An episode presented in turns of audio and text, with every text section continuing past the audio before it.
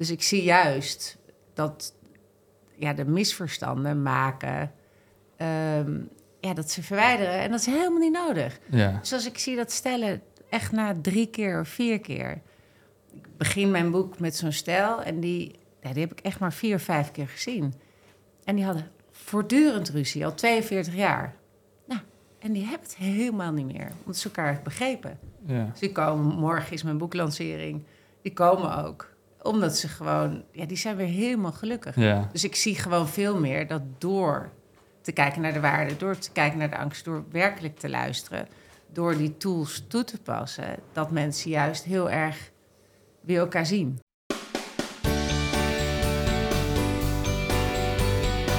Leuk dat je kijkt of luistert bij deze nieuwe aflevering van de podcast of Hoop. Vandaag hebben we in de studio Anne de Jong. We gaan het hebben over hoe je kunt voorkomen dat kleine dingetjes uitlopen tot grote ruzies of zelfs relatiebreuk. Podcast of Hope. Moving towards happiness. Nou, leuk dat je er bent. Leuk om hier te zijn. Ja. Dankjewel voor de uitnodiging. Ja, graag gedaan. Ja, we gaan in gesprek over geluk. Is dat een onderwerp wat je veel bezighoudt in het dagelijks leven? Zeker. En ik heb er ook een aantal ideeën, gedachten bij. Maar als je kijkt naar mijn werk als psycholoog, Ja. coach, relatiecoach, komen mensen natuurlijk vaak bij mij, altijd bij mij, om een gelukkige relatie te hebben of gelukkiger te worden in het werk. Ja. En als ik kijk naar eh, het woord geluk, Mhm. eh, daar heb ik soms ook wat moeite mee. Omdat mensen het eh, vaak verwarren met geluksgevoel. Oké. Hmm. Dus eh, je geluk dat mensen willen zich vaak helemaal, totaal, elke dag gelukkig voelen. Of elke dag gelukkig voelen in de relatie. Mhm. En dat maakt juist dat eh, mensen korte termijn controlemechanismen inzetten om dat te verkrijgen en juist ongelukkiger worden. Dus het woord ehm, ja, geluk wil ik nooit verwarren met geluksgevoel. Wat, En wat bedoel je precies met die korte termijn controlemechanismen? Nou, kijk, als je. Ik koppel geluk heel erg aan eh waardegericht leven. Oké. Dus je vindt iets heel belangrijk in je leven en dat maakt je gelukkig als je Ja. dat leeft. Maar dat betekent niet dat het altijd prettig is. Hmm. Dus als ik het koppel aan een liefdesrelatie, is je wil bijvoorbeeld een hele goede relatie, je wil lief zijn voor de ander. Eh, dat zijn je waarden, maar het loopt niet altijd goed. Of het loopt niet altijd, elke relatie geeft gedoe. Je partner is niet altijd lief, je partner is ook af en toe saai. Het is niet altijd leuk. Het geluksgevoel, het instant geluksgevoel is er niet altijd. Ja. Maar als je het koppelt aan je waarden, dus elke keer weer stappen zet in wat je belangrijk vindt, dat is uiteindelijk geluk. Maar heeft dat geluksgevoel dan überhaupt wel te maken met geluk? Of staat dat echt helemaal los van elkaar? Nou ja, het geluksgevoel zijn momentjes. Denk eens aan de gelukkigste dag van je leven. Mhm. En dat kon als je klein was, kan het je verjaardag zijn. Of, eh, of als ik naar mezelf kijk, eh, ik noem maar op je trouwdag. Of het moment dat je boek gelanceerd zijn. Weet je, Ja. er zijn van die geluksmomenten in je leven. Ja. Maar ook op die geluks, gelukkigste dag heb je niet de hele dag dat geluksgevoel. Nee. En mensen streven naar, dat merk ik ook in de praktijk, naar op en top gelukkig voelen. En ik geloof dat als je je waarde leeft, Mhm. doet wat je belangrijk vindt, dat je ook accepteert dat daar ongeluk, ongelukkig bij voelen of Ja. angstig bij voelen, onzeker bij voelen, dat dat het pakketje is eh, dat je hebt te omarmen. Hmm. En als ik kijk naar geluk, ik koppel het eh, aan gelukkige relaties. Ik houd me bezig met gelukkige relaties en de liefde. Ook omdat als je kijkt, eh, bijvoorbeeld het grootste onderzoek van Harvard, die al 75 jaar mensen volgt en onderzoek doen naar geluk. Mhm. Wat eruit komt, is dat mensen eh, het gelukkigst zijn met, een, met relaties, met kwalitatief goede relaties om zich heen. Hè? Dus Alleen eh, liefdesrelaties of überhaupt relaties? kwalitatief goede relaties. Oké. En ook kwantitatief, maar eigenlijk kwalitatief goede relatie. En een liefdesrelatie staat er op nummer één. Dus dan leef je acht jaar, leef je acht jaar gezonder, langer en je bent gelukkiger. En dat je komt leeft uit acht jaar langer als ja, je... gemiddeld. Als goede je goede relaties relaties hebt. Oké. Dat, Dus- is al, dat is op zichzelf al een, een soort van motivatie om daarin te investeren. Jazeker. denk ik. En wat ik denk, waarom ik mijn laatste boek heb geschreven, sorry schatje, is omdat ik denk, ehm, mensen kunnen liefdesvaardiger worden. Mhm. Dus die kunnen veel meer leren op het gebied van de liefde om ehm, meer hun waarde te leven, om daarin dus uiteindelijk gelukkiger te worden. Ja, En wat er vaak gebeurt als er gedoe is, dan belanden mensen in hun reflexen, dan worden ze onaardig tegen elkaar, dan stoppen ze met geven, dan stappen ze er mentaal uit. En dat vind ik zo zonde, omdat het Ja. zo'n belangrijk aspect is voor het leven. Ja, want op dat moment denk je van, oh, dit is nadelig voor mijn geluksniveau. Dus de hele situatie is nadelig, dus ik stap eruit. In plaats van dat je een soort van visie hebt op het, Ja. op het grotere plaatje, als het ware. Het geluk. Ja, het geluk of... En ik, dus je kan zeggen, ik wil gelukkig zijn, maar je kan ook zeggen, ik wil bijvoorbeeld eh, een lieve partner zijn. Of Ja. ik wil je waarde, zet je eigenlijk bovenaan. Of ik wil het goed hebben samen. Als het dan even niet goed is en als je deze bovenaan houdt, ik wil lief zijn of ik wil gelukkig zijn, Mhm. dan stap je er weer in. En dan ga je toch praten, eh, terwijl je het moeilijk vindt. Of ga je toch iemand eh, naar iemand toe, terwijl je eigenlijk boos bent. Ja, Dus als je je waarde bovenaan houdt, ehm, ja, dat, en daar stappen, eh, stappen zetten richting je waarde, dat is geluk, wat mij betreft. Het zijn eigenlijk die waarden die je als het ware door tegenspoed heen helpen op die manier. Precies. Ja. Dus dat is je kompas. Ja.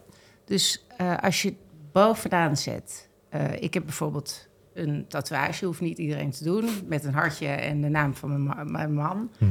Maar dat is voor mij een symbool dat ik het gewoon heel belangrijk vind om ehm, ja, de relatie gewoon eh, ja, goed te hebben met de relatie. Dus dat maakt ook, als je iemand even stom vindt, want dat vindt iedereen. Een relatie is nooit ja. gedoeloos. Mhm. Ehm, dat je toch altijd weer naar iemand toe gaat. Terwijl je de neiging hebt soms om te denken, laat maar, of weg te gaan. Dus ja, dat de waarde is, zijn een kompas. Ja. Maar is bijvoorbeeld ook in werk, als je kijkt. Je hebt bijvoorbeeld als waarde eh, vrijheid, ik noem maar wat. Mhm. Je gaat zelfstandig worden. Dan is het even moeilijk, want dan heb je niet genoeg geld. Maar als je dat vrijheid als kompas houdt, dan verdraag je ook de moeilijke tijden. Ja. Maar als je niet verdraagt dat het af en toe wat moeilijker is, dan Mhm. neem je heel snel weer een baan. ja. Dus geluk is gekoppeld aan waardegericht leven. En zijn die waarden voor iedereen duidelijk? Als in, kan, ik, kan iedereen gewoon zeggen, dit zijn mijn waarden? En je moet gewoon beseffen er meer eh, gefocust op moet zijn? Of kan het zo zijn dat je eigenlijk niet echt zeker bent van wat je waarden nou zijn? Nou, ik, ik, wat ik doe in mijn werk en voor stellen en individuen is juist waarde. En voor organisaties zelfs, is dat je waarden helder worden. Ja, Dus hoe meer helder je hebt wat echt wezenlijk belangrijk voor je is, hoe meer je een kompas hebt. ja, En hoe gelukkiger je wordt. Want dan kan je dus daarop tijd stappen zetten. Ja. En sommige mensen, iedereen heeft waarde, maar niemand, niet iedereen heeft ze zo bewust. En dan heb je, ja, dan wiebel je door je emoties heen, of dan wiebel je door het leven, of dan ga je alleen maar geluksgevoel achterna. ja, Dus ik, ehm, ja, in mijn werk is dit ook een groot deel van mijn werk, om je heel bewust te worden van wat is nou in de kern wezenlijk belangrijk voor je. ja. Ja, want je hebt een beetje dat, dat clichébeeld van, van de midlife crisis. En dat je dan op een gegeven moment bent van, is dit het nou? Je weet wel. Ja. En ik kan me goed voorstellen dat dat een symptoom is van misschien je waarden niet recht Ja. hebben staan. Ja. Dat is zeker zo. Want dan kom je erachter dat je geleefd hebt volgens ehm, wat anderen van je hebben verwacht. Of wat je hebt gedacht dat je gelukkig maakt van externe bevestiging bijvoorbeeld. En Ja. dan ineens zit je daar in een baan met een vrouw die je misschien niet leuk vindt. Of in een leven waarin je niet gelukkig voelt. En dan ga je bedenken, dan ga je naar een coach. vaak. En dan ga je bedenken, maar wat maakt mij nou gelukkig?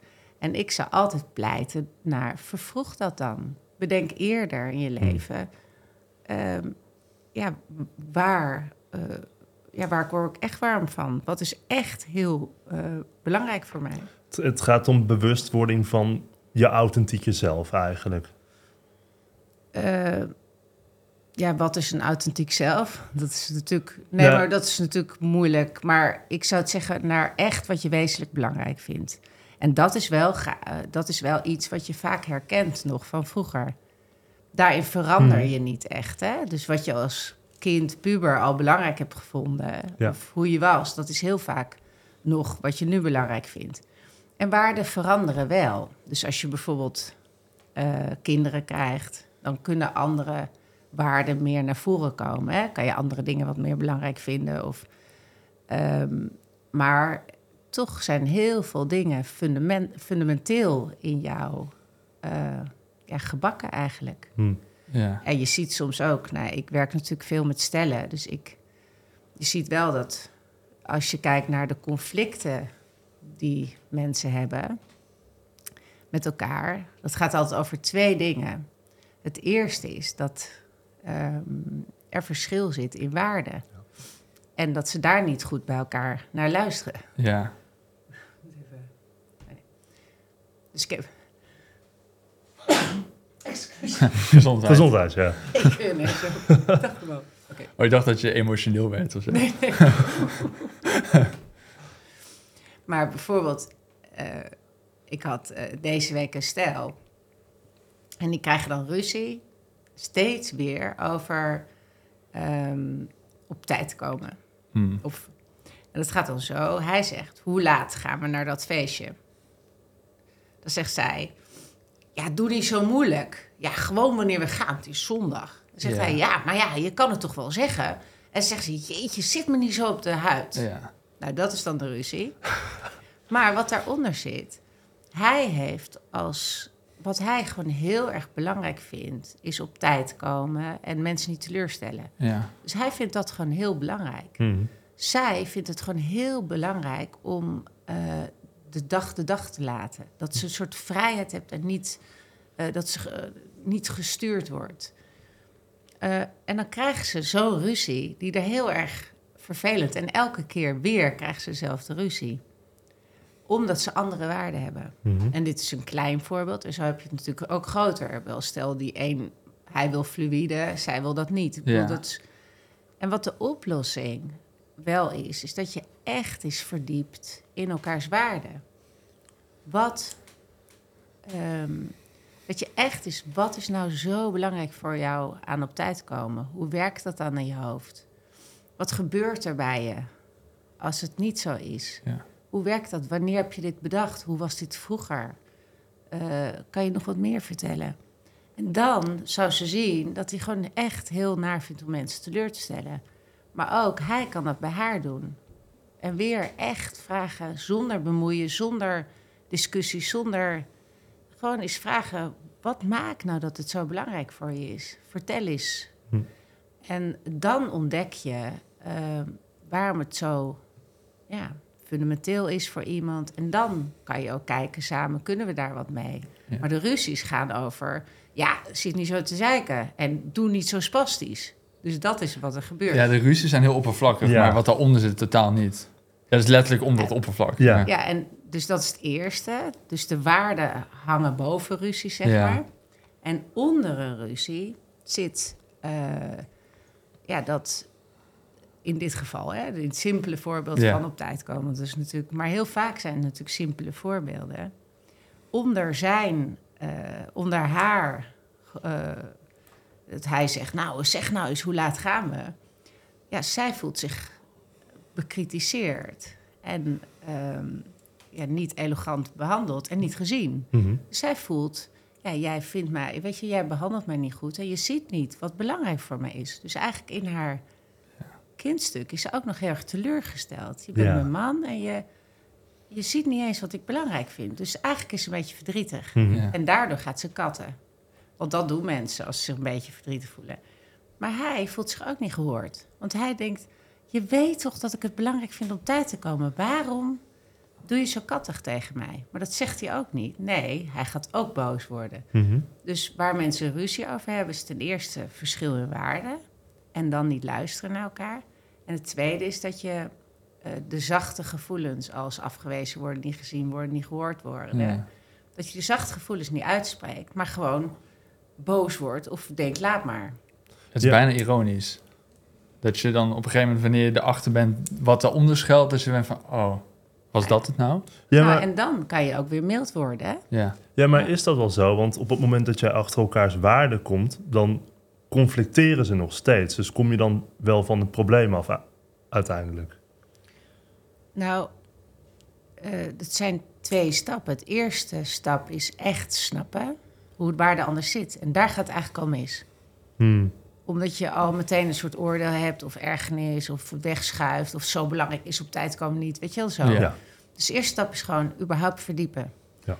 En wat er vaak gebeurt met stellen, ehm, is dat alleen het verdiepen helpt al met... Als je echt weet van je partner, ja, in dit geval, hij, ja, hij vindt het gewoon echt heel belangrijk. Als je echt dat weet, dan is het veel minder moeilijk om te zeggen... nou, oké, ik beloof dat we voor ene weg zijn. Dus hoe meer empathie, hoe meer je ook gewoon even wat aardigs doet, hè? ja. Dus dat is de eerste. Dus het luisteren maakt mild. Maar de tweede stap is luisteren maakt ook soms dat de verschillen heel erg zichtbaar worden. Ja. En dit is een klein voorbeeld hè, van. eh, maar ehm, het, zeg maar als ik kijk naar de coaching die wij doen, het kan ook zijn dat je echt ziet, we passen fundamenteel niet bij elkaar. Als ik zeg Mhm. die als één monogamie wil en ander fluïde.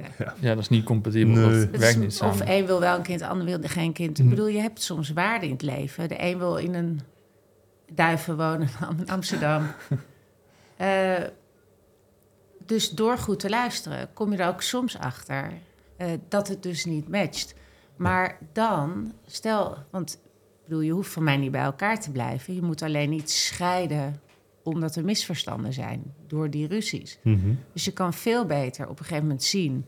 Dus we verschillen zo erg, dan is het een, pak je ook regie door bijvoorbeeld uit elkaar te gaan. Dus het is niet altijd eh, weer te matchen. Maar het is wel, ehm, eh, ja, het is heel essentieel om te zien wat zo belangrijk is voor diegene. Ja, jij maakt als het ware duidelijk wat er aan de hand is. En ja, hoe zeg je dat? Je, het kan zomaar zijn dat, dat het niet werkt. En dan, maar dan zeg, maar zou je dan ook zeggen van het is beter als je uit elkaar gaan? Of is het zo van dan moet je dan zelf maar achterkomen? Maar ik maak het ze niet duidelijk. De, de, zeg maar ook in mijn boek, je wordt liefdesvaardiger. Dat kan je helemaal zelf doen. Hè? Hmm. Dus, en als ik ze in coaching heb, dan kijk ik met ze mee, maar ik leer ze het zelf te doen. Dus het wordt hen duidelijk dat het niet matcht.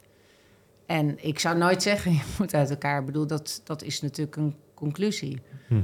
Maar wat ik vaker zie, is dat mensen vanuit misverstanden Hmm. eh, te veel in hun reflexen reageren en elkaar gewoon niet horen. Dus als ze gewoon elkaar weer horen, dat het heel snel veel beter gaat. Ja, Dus ik zie juist dat ja, de misverstanden maken, ehm, ja, dat ze verwijderen. En dat is helemaal niet nodig. ja, Dus als ik zie dat stellen echt na drie keer of vier keer. Ik begin mijn boek met zo'n stel en die, ja, die heb ik echt maar vier vijf keer gezien. En die hadden voortdurend ruzie, al 42 jaar. Nou, en die hebben het helemaal niet meer, omdat ze elkaar begrepen. ja. Dus die komen, morgen is mijn boeklancering, die komen ook. Omdat ze gewoon, ja, die zijn weer helemaal gelukkig. ja. Dus ik zie gewoon veel meer dat door te kijken naar de waarde, door te kijken naar de angst, door werkelijk te luisteren, door die tools toe te passen, dat mensen juist heel erg weer elkaar zien. ja. Is het bijvoorbeeld ook zo, want je zei al dat waarden over tijd kunnen veranderen. Ja. Dat als stellen elkaars waarden begrijpen, dat het dan sneller gebeurt dat het een beetje naar elkaar toe beweegt. Ja, Hm. nou, nou het hoeft. Begrip maakt mild en polariseert niet. Ja, Dat is het meer. ja. Dus eh, de een, ja, de een kan meer vrijheid willen, de ander wat meer geborgenheid, ik noem maar wat. Maar ehm, als er onbegrip is, dan ga je vechten. Hm. Dus dan wil ik nog meer vrijheid. En dan wil mijn partner nog meer samen. Ja. Dus, dus de polarisatie gaat eraf als je gewoon milder wordt. Dus Hmm. meer ziet wat belangrijk is voor de ander. Dus dan ga je meer naar elkaar... Je gaat niet naar elkaars waarde toe, maar je wordt milder. Dus je gaat wel weer meer naar elkaar toe. Ja, een soort van feedback loop is het eigenlijk. Ja. Ja, ja, van polarisatie. Je gaat gewoon strijden Ja. voor wat jij belangrijk vindt. En in die strijd kijk je niet meer naar de ander. Kijk je, en dat doet je brein, hè? Je brein voelt zich afgewezen, aangevallen, Mhm. niet gezien. Dus eigenlijk doe je dat zelf niet. Dat doen ook nog gewoon je reflexen. Ja, dat zijn je reflexen, Ja. inderdaad, ja. Ja, Maar jij zegt dat je missie is mensen ehm, te laten zien dat... Ik weet niet of ik het goed zeg, maar dat ze te snel verharden. Ehm, is, dit, is dat wat je hiermee probeert te zeggen? Is dat het Ja. verharden? Een soort van niet ja. openstaan voor andermans waarde? Onder andere, mijn missie is mensen liefdesvaardiger te maken. Omdat Oh ja. liefde zo belangrijk is voor geluk en gezondheid. En dat het gewoon leuk is. En ehm, onder andere vind ik dat mensen hard zijn naar elkaar. Vanuit, je voelt je niet gezien en dan ga je afstand nemen. Dan denk je, nou, dan ga ik jou ook niet zien. Je voelt dat je partner niet lief doet. En dan denk je, dan stop ik ook met lief doen tot hij weer komt. Of tot zij weer komt. Dat zie ik heel veel in de praktijk. Dan denk ik, eh, dan wachten ze allebei tot de ander weer lief doet. Of ze wachten allebei tot de ander weer gaat geven. Ja. Dus ja, ik heb ook een stel die zegt echt, echt, als hij weer mij een kus geeft, lief doet, dan ga ik het ook Ah, weer ja. doen. Ja, en dat, dat, dat. Dus ik vind wel dat vanuit onbegrip en niet vaardig zijn, doen mensen hele nare dingen met elkaar. Of parallel leven, of ze hebben geen contact meer met elkaar. En wat je soms ziet, is dat mensen. Dus jij, jullie zijn collega's. Stel jij eh, gooit een glas water nu om. Ja. Dan zeg jij, wel. ja joh, maakt niet uit of je maakt een grapje. Eh, wat er soms, of vaak in, bij een stel gebeurt, is als datzelfde gebeurt. Dat er dan echt, hoe haal je het nou je hoofd om dat glas daar te zetten? Dat mensen Ah, ja. zo onbeleefd zijn Ja. tegen elkaar. Dus heel beleefd tegen collega's, heel beleefd tegen vrienden. Mooi weer spelen en komen ze thuis en dan zijn ze hun authentieke zelf. En dan ineens eh, wordt iemand die Ja. te laat komt of iets laat vallen. Weet je, dan word je zo. Nou, dat vind ik akelig. En als ik ook kijk naar wetenschappelijk onderzoek. ehm, ik, ik heb een opleider in Amerika en die heeft al 40 jaar eh, in een Love Lab onderzoek gedaan naar liefde. En die Mhm. onderscheidt de masters en de disasters in de liefde. En hij kan met 94% eh, zekerheid voorspellen of iemand binnen een master is, een disaster is, binnen zes jaar uit elkaar gaat of ongeluk verder gaat, Mhm. Ah, oké. of een master is. En nou, die heeft heel veel variabelen, dus hij kan gewoon heel goed in een kwartier een stel laten ruzie maken over hun favoriete onderwerp, ruzieonderwerp. Hij lokt dat dan uit. Dat Hij ze... zegt, willen jullie even praten over jullie moeilijkste onderwerp? Dat loopt dan uit in ruzie. Ja, dat is. Maar dan zie je, en ik heb ook die variabelen, mijn methode is daarop gebaseerd. Is eigenlijk gebaseerd onder andere op het kopiëren van de masters. Dus, ehm, en als je kijkt naar bijvoorbeeld de negatieve variabelen, dat is dus echt eh, kritiek op de man af. En vervolgens verdedigen, zonder verantwoordelijkheid nemen. Cynisme, oogrollen. Dus innerlijk, eh, dus in plaats van je behoefte uiten. En innerlijk vertrek. Dus weggaan of innerlijk weggaan en niet meer zeggen wanneer je terugkomt. Ja. Dat zijn variabelen die, ehm, ja, die zo slecht werken voor het brein van de ander. Dus waar je zo ongelukkig van wordt eh, met z'n tweeën. Nou ja, dus daarin eh, denk ik, word, blijf een beetje beleefd tegen je partner. Ja, dus dat is mijn missie. Blijf Ja, een beetje aardig. Maar is het dan een soort van uitlaatklep dat een persoon bijvoorbeeld niet tegen zijn collega's eh, wat harder he- heeft kunnen zijn en daarom dan maar tegen zijn partner zo doet? Kan, voor een deel. Voor een deel kan, kan het opgespaarde frustratie zijn van dat je eigenlijk Ja, door je leidinggevende eh, niet gezien bent. En dan Ja, krijgt de ja. labrador en je vrouw ervan langs. maar vaker is het zo ehm, dat je partner staat dichtstbij. Mhm. Dus daar verwacht je het meest van. Hmm. Dus je verwacht dat je partner je altijd ziet, altijd hoort, lief tegen je is, voldoet aan je behoeften.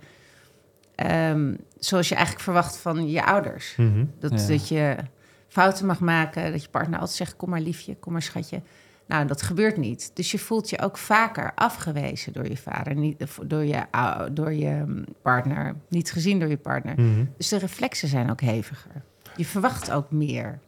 Ja, en misschien tegelijkertijd heb je wel het gevoel dat je bij haar dan het meest geaccepteerd wordt, ook al word je boos. Ja. Nou ja, dat hoor ik wel eens. Van ja, dan ben ik tenminste authentiek. Mhm. Ja, en dan denk ik, ja, is authentiek nou je partner uitschelden? Klinkt niet heel authentiek. Nou ja, of wel, maar dat, is dat ook degene... En dan kom ik weer terug op waarde. Is dit ook degene die je wil zijn? Is Mhm. dit de partner die je wil zijn? En als je je waarde weer voorop doet... Ik denk niemand die, het, die zegt... ik wil een hele een uitscheldende partner zijn... waar mijn vrouw eh, van baalt. Nee, iedereen wil wel uiteindelijk als waarde... denk ik een lieve partner Ja. zijn. Toch? Ja, nee, maar, ja, maar het klinkt Met ook belachelijk als je dat zo zegt. Ja. Ik wil heel graag een, een vervelende partner zijn. Nee, Nee, maar daarom, niemand als je waarde voorop houdt, en daar gaat het boek ook over. eh, dus als je regie pakt op dit gedrag, Ja. en dat is leerbaar, dan, ehm, dan doe je dat niet. Dan hou je jezelf in. Dan maak je wel ruzie, want mensen maken ruzie, is ook goed. Ik Hmm. onderscheid een paar zones, en dat is natuurlijk stoplicht. Groen is goed, Hmm. Lichtgroen is nog beter. Dat is vakantie, verliefdheid. Oranje is de zone waar je een beetje gekwetst wordt, waar je gekibbeld. Nou, ik geloof erin dat die oranje zone, dat, dat die super leerzaam is. Dat je daar iemand anders leert kennen, dat die te gek is, mits je hem weer naar groen kan brengen. Mhm. En niet in die rode kom. En dan kom ik weer op die, deze, die verwoestende vier, die dat kritiek, cynisme, verdedigen en vertrek. Ja. Ja. Ja. dat is dus in dat, in dat oranje waar dingen niet optimaal zijn, Ja. maar een beetje een soort van... Wringen. Ja, daar, je- daar ah, leer je je het voelt je altijd van. een beetje gekwetst. En dan is, Ja. Stel, jij bent een beetje gekwetst door mij, of eh, wij hebben een relatie, je bent een beetje gekwetst, of je eh, voelde je even niet gezien, of je eh, vindt iets irritant. Ja, dan kan ik zeggen: stop eens met dat irritant vinden. Je moet niet zo dom doen, of je moet niet zo ergeren aan. Zo erg was het niet. Of ik kan zeggen: wat, wat was er nou zo? Wat, wat raakte? Wat speelde in jouw hoofd en je hart? ja. Vertel eens dan. Ik ben gewoon benieuwd. Ook al denk ik wat een onzin. ja. Ik ben gewoon benieuwd. Dus in die oranje zone leer je elkaar ook weer heel goed kennen. Ja, ik denk dat het sowieso wel geldt voor op heel veel punten in je leven. Dat soort van die zone waar, waar, Maar het wringt. waar het wringt, daar Ja. ga je belangrijke beslissingen Mhm. nemen. Ga je kijken wat er aan de hand is. Dat Ja. doe je nooit in, eh, in het groene gebied. Nee, precies. Daar, ga je door. Waarom zou je? ja, precies. Ja, Ja, daar zitten de lessen niet inderdaad. Nee. ja precies. Ja. Nee, maar ehm, geluk zit hem voor jou dus in liefdesrelaties. Maar bijvoorbeeld, hè, hier zitten twee sing- single jongens. is het voor ons dan wachten tot we... Dan zijn jullie heel ongelukkig. Ja, nee, precies. Ja. Ja. maar is het voor ons wachten tot we een relatie krijgen, tot we echt gelukkig kunnen zijn? Nee. Nou, zeg maar, het onderzoek is dat mensen het meest gelukkig zijn als ze terugkijken eind van hun leven, hè, naar 75 jaar gevolgd zijn, is dat van gelukkige relaties.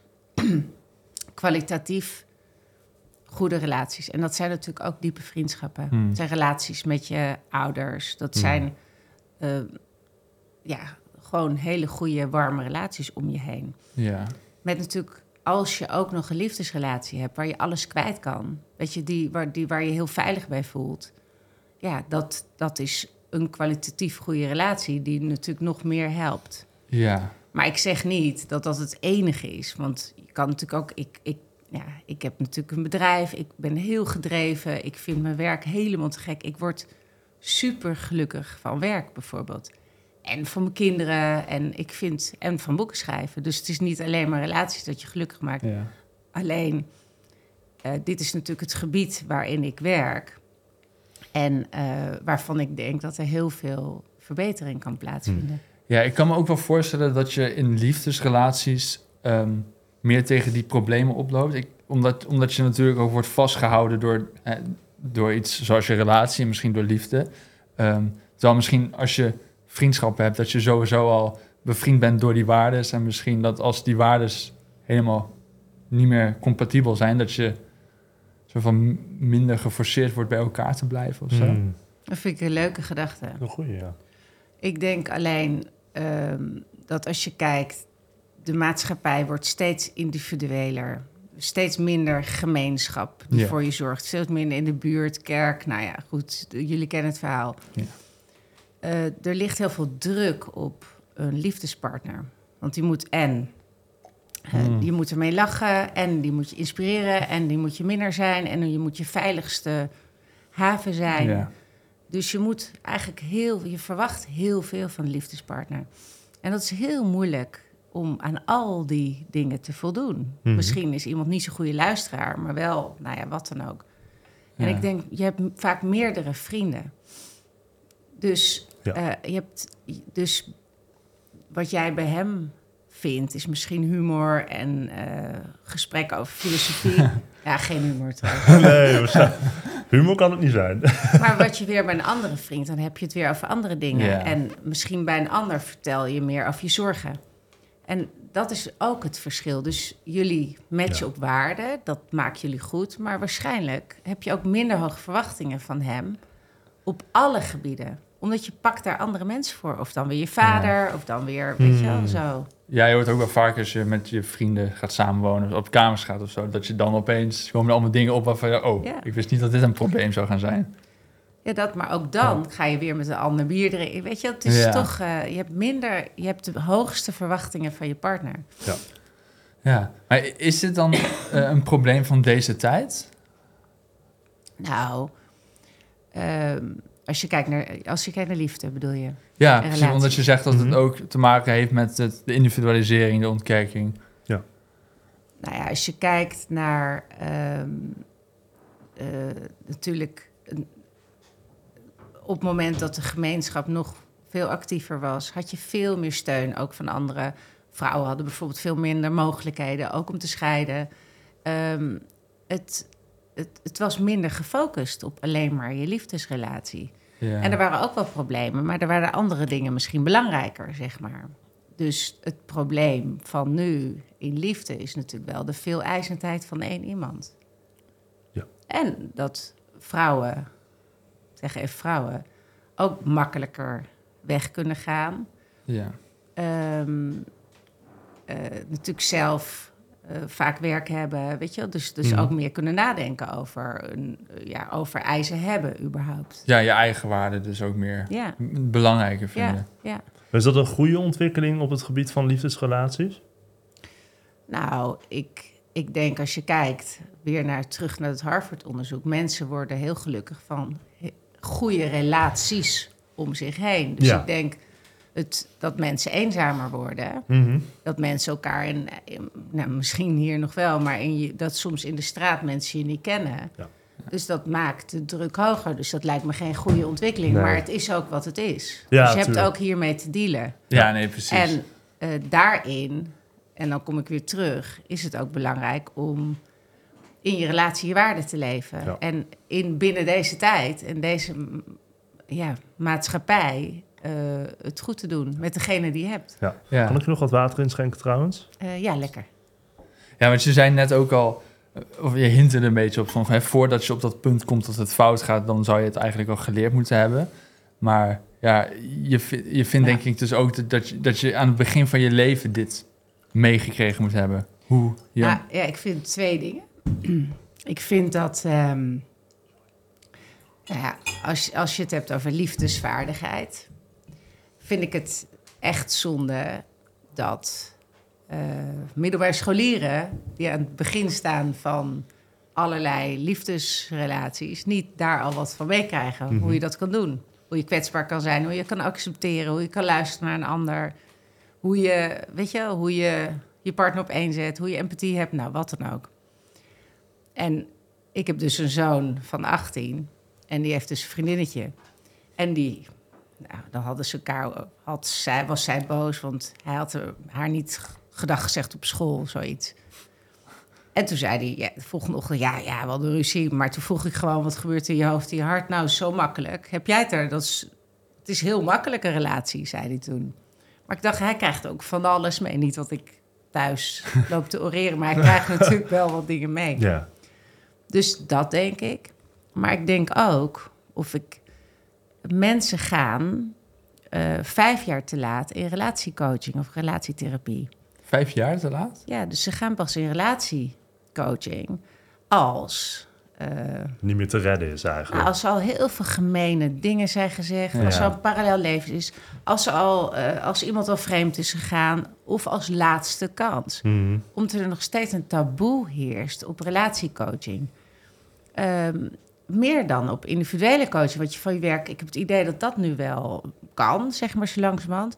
Maar als je naar een relatietherapeut, een relatiecoach, dan is het echt slecht. Dus even Ja. los van de vaardigheden op school... is het voor mij zo belangrijk dat mensen gewoon... Als je twee jaar wat hebt, weet je... Ga wat doen met je relatie, want het is alleen maar leuk. Dus eh, niet pas als, ja, als, je, oh, als er zulke akelige ruzies... Want dan Ja. is er ook soms te veel gebeurd om nog... eh, ja, dat klinkt een beetje om te repareren. Hè? Er zijn er zo nare dingen gezegd. Mhm. Terwijl als je na twee jaar, drie jaar, als het nog goed gaat, is gaat kijken naar je waarden samen. Wat vinden we eigenlijk belangrijk? Als we gedoe hebben, waar komt dat eigenlijk op neer? Hoe kunnen we daar een patroon in ontdekken? Hoe kunnen we daar makkelijker uitstappen op een frisse manier? Dan kan je veel meer bereiken. Ja. Dus ik denk inderdaad middelbare school, maar ook veel eerder gewoon ingrijpen als het nog leuk is. ja. Want dan, eh, en een van de redenen dat ik Sorry Schatje schreef, is omdat ik dacht, het moet laagdrempeliger dan naar die therapeut. Want toch zit je daar met zo'n type in zo'n kamertje, weet je? Ja. Dat is ook zo'n zwaar gedoe. Ja, maar aan de andere kant snap ik het ook wel weer. Want op het moment dat de relatie nog leuk is, heb je niet het gevoel dat je hulp nodig hebt. Dus ga je het ook niet zoeken. Ja, en elke relatie heeft wel kleine themaatjes. Ja, ja. En die kleine themaatjes, die zijn zo interessant. Dus juist als ze nog klein zijn, zijn ze zo interessant wat die te maken hebben met je waarden. Mhm. Dus ehm, waardoor je elkaar meer leert kennen. Ja, ik denk dat het sowieso goed is om bewust te zijn van je waarden. Gewoon Ja. in elk Ja, aspect van je leven. Ja. ja. Ja. Want als je die dus koppelt, heb je een vizier en kan je sturen op geluk. precies. En zo zeg ook Ja. bijvoorbeeld op het werk. Ja. Ja. Maar ook als, ik bedoel, ik heb, Nonons is mijn bedrijf. Wij hebben dat ook heel duidelijk op ons vizier, wat onze waarden zijn. Dat is dan voor de organisatie. Hmm. Maar daar sturen we de hele tijd op. Dus dat is ons koers. Ja. Nou, zo werkt dat ook voor een persoon in werk, maar ook voor een stel, zeg maar. Ja. Je, je had het net over Sorry Schatje. Ja. Ja, want in dat boek schrijf je eh, verhalen volgens mij uit je, uit je eigen relatie, toch? Ja, En om een soort van te laten zien hoe het... Ja, ja, wat, wat probeer je ermee te bereiken? nou, heel, nee. Nou, ik, ik heb een methode, Ja. dus de LV5-methode. En ik geloof er heel erg in dat mensen eh, leren van voorbeelden. Gewoon, Ja. eh, weet je, niet een droog boek. Gewoon dat het heel leesbaar wordt.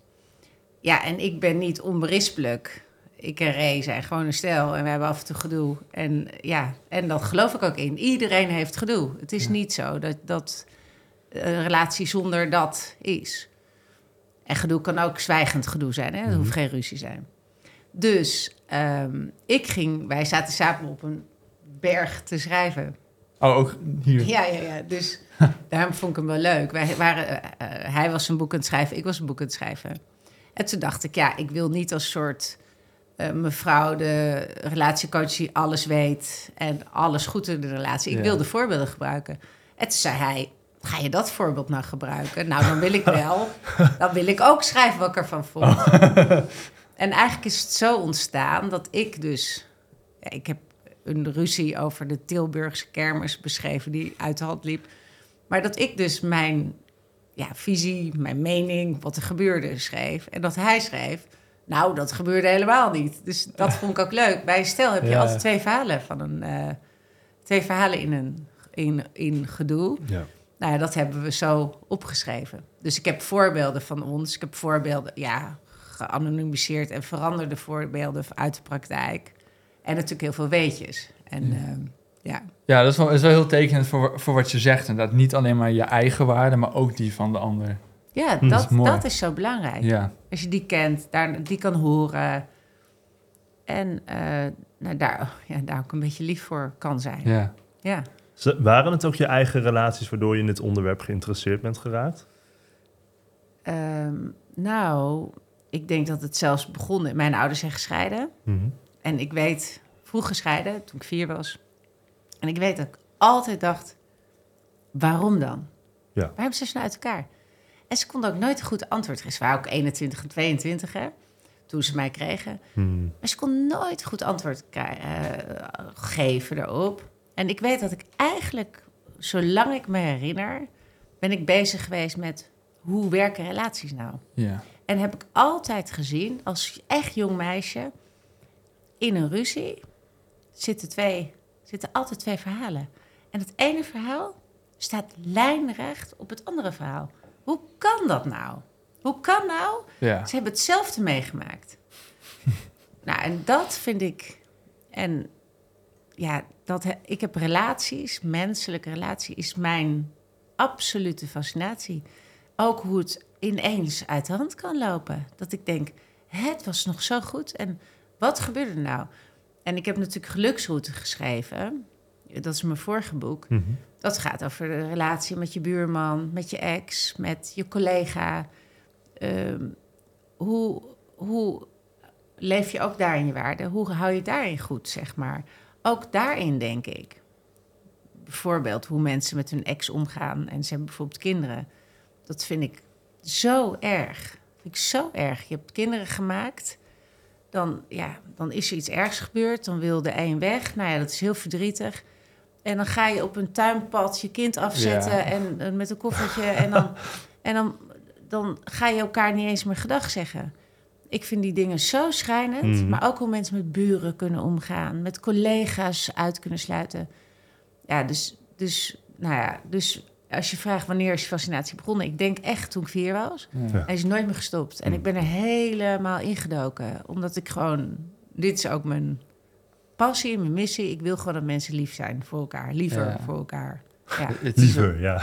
ja, in ieder geval liever. maar het is ook wel een heel interessant idee. Het is ook wel heel pijnlijk eigenlijk. Als iedereen wil gewoon liefde. Maar er zit ook zoveel... Kwetsing. En Ja. daardoor doen ze niet lief. Ja, Ja, dat is best wel pijnlijk ja eigenlijk. maar ja, vooral die zelf opgeworpen barrières dus zijn, best Ja. wel, zijn best wel vreemd. Ja. Dus je, je zou je bijna afvragen waarom dat soort mechanismen überhaupt bestaan. Nou ja, dat, wat ik noem, dat zijn je beschermers. Ja, Dus Ja. jij ehm, wordt op een of andere manier gekwetst. En dat kan heel, ja, dat kan op een heel, ja, dat kan je brein kan, eh, als iemand te laat komt, dat al als afwijzing ervaren. ja, En wat, wat er dan gebeurt, is dat je dat niet durft zeggen. Maar dan ga je of vechten of vluchten. Of denken, laat maar, je bent dus niet belangrijk. Dan ga ik ook nooit meer op tijd komen, ik noem maar wat. mhm. Of je gaat de aanval inzetten. Daarmee wordt de ander wordt ook, weet je, in zijn stressbrein, in zijn reflexbrein geraakt. En die gaat ook met zijn reflexen reageren. En zo hebben buren of families of broers of exen gewoon twintig jaar ruzie. Ja. Omdat ze hier niet uitkomen. ja, En ja, ze maar, weten niet waar het begonnen is, joh. ja, maar eigenlijk zijn het dus die beschermers die tegen elkaar aan het, aan Nou, het vechten zijn, als het ware. Dus als maar- die beschermers er Maar niet dat zijn... precies schrijf ik in mijn principe 4. Ik zeg, er zijn twee mensen. Op een of andere manier ben je ergens in gekwetst. Maakt eigenlijk nooit uit. Oud papier heeft hij niet weggebracht. Eh Is ook vervelend. gekwetst. En als, dan komt er als het ware een soort poppetje. Een mannetje, een beschermertje. Die komt zeggen, jij bent een zak. Mhm. En die, die man die denkt, ja, en weet je wat ik allemaal gedaan heb? Die heeft ook zijn beschermer. Ja. Eh, en die twee beschermers gaan de hele tijd met elkaar praten. Ja. En de kwetsbaarheid staat erachter. Mhm. Ja. En als mensen dat niet doorbreken, nogmaals, is dit soms 30 jaar en mensen maken elkaar af. Ja, dat vind ik erg. Ja, dat, dat snap ik, ja. Ja, oh, jullie ook. Het is ook wel... Nee. ja, ik moet het nog meemaken allemaal. Maar, nee, maar ik bedoel, ja. het gaat niet eens om de liefde. Het, eh, Ja. ik bedoel, het Mhm. gaat ook om, eh, nou, nogmaals, buren, exen. Eh, weet je wel, als je ook naar rijdende rechterachtige dingen kijkt. ja bedoel, vooral daar, ja. Ja, het is gewoon, ja. Ja. Ik, ik zeg niet dat ik iedereen kan redden, maar ik vind een- ja, een beetje kennis hierover, een begrip. En ehm, wordt iedereen gelukkig van. ja, ben ik compleet mee eens. ja. Ja, we zijn aan het einde gekomen van de Ja. aflevering. En we vragen onze gast altijd een voorwerp mee te nemen. Als ze geluk van worden, inspiratie uithalen, dat mag niet uit. Wat heb jij meegenomen? Nou, ehm, ik heb mijn kettingje meegenomen. En dat is, mijn, dat is een hartje. Ja, En dit is voor mij als een soort, eh, eh, ja, hoe noem je dat? Dit is mijn anker. En die heb ik al, eh, denk nu, zes, zeven jaar om. Gewoon omdat ik, ik kan vanuit mijn reflex, kan ik boos worden. Als ik gekwetst word, word ik boos. Dus zo, die heb ik geleerd. En dit is, ik wil dat niet meer. Hmm. Dus dit hou, is mijn houvast om als er iets gebeurt, om die boosheid in me te houden. Hmm. Of, sorry, Ja. sorry schatje, nee maar sorry te zeggen. Of op terug te komen. Ik wil heel graag dit leven. Dus dit is eigenlijk waar we het begin af aan mijn waarde, mijn anker. En vandaar dat ik die mee heb. Nee, Net als de tattoo dan een beetje, toch? Ja, precies. Ja. Ja. Ja, ja. Nou, mooi. Ja. Ja, nou, heel erg bedankt dat je langs bent gekomen. Ja, dankjewel. Leuk om hier geweest te zijn. Leuk dat je hebt gekeken of geluisterd naar deze aflevering van de Podcast of Hoop. We hopen dat je ervan hebt genoten of misschien zelfs geïnspireerd door bent geraakt. Iedere zondagochtend om 10 uur komt er een nieuwe aflevering online op Spotify, YouTube en al je andere favoriete podcastkanalen. Ook kun je ons vinden op www.podcastofhoop.nl. Tot ziens en veel geluk. De wereld waarin we leven biedt nog geen gelijke kansen. Voldoende eten en drinken. Een adequate opleiding. Goede gezondheidszorg. Vrede en geluk is niet voor iedereen weggelegd. Maar stap voor stap wordt het beter. En zijn we op weg naar een octopische samenleving waarin iedereen zijn of haar leven als goed kan beschouwen. Het is een lange reis, maar we zijn op weg. Podcast of Hope. Moving towards happiness.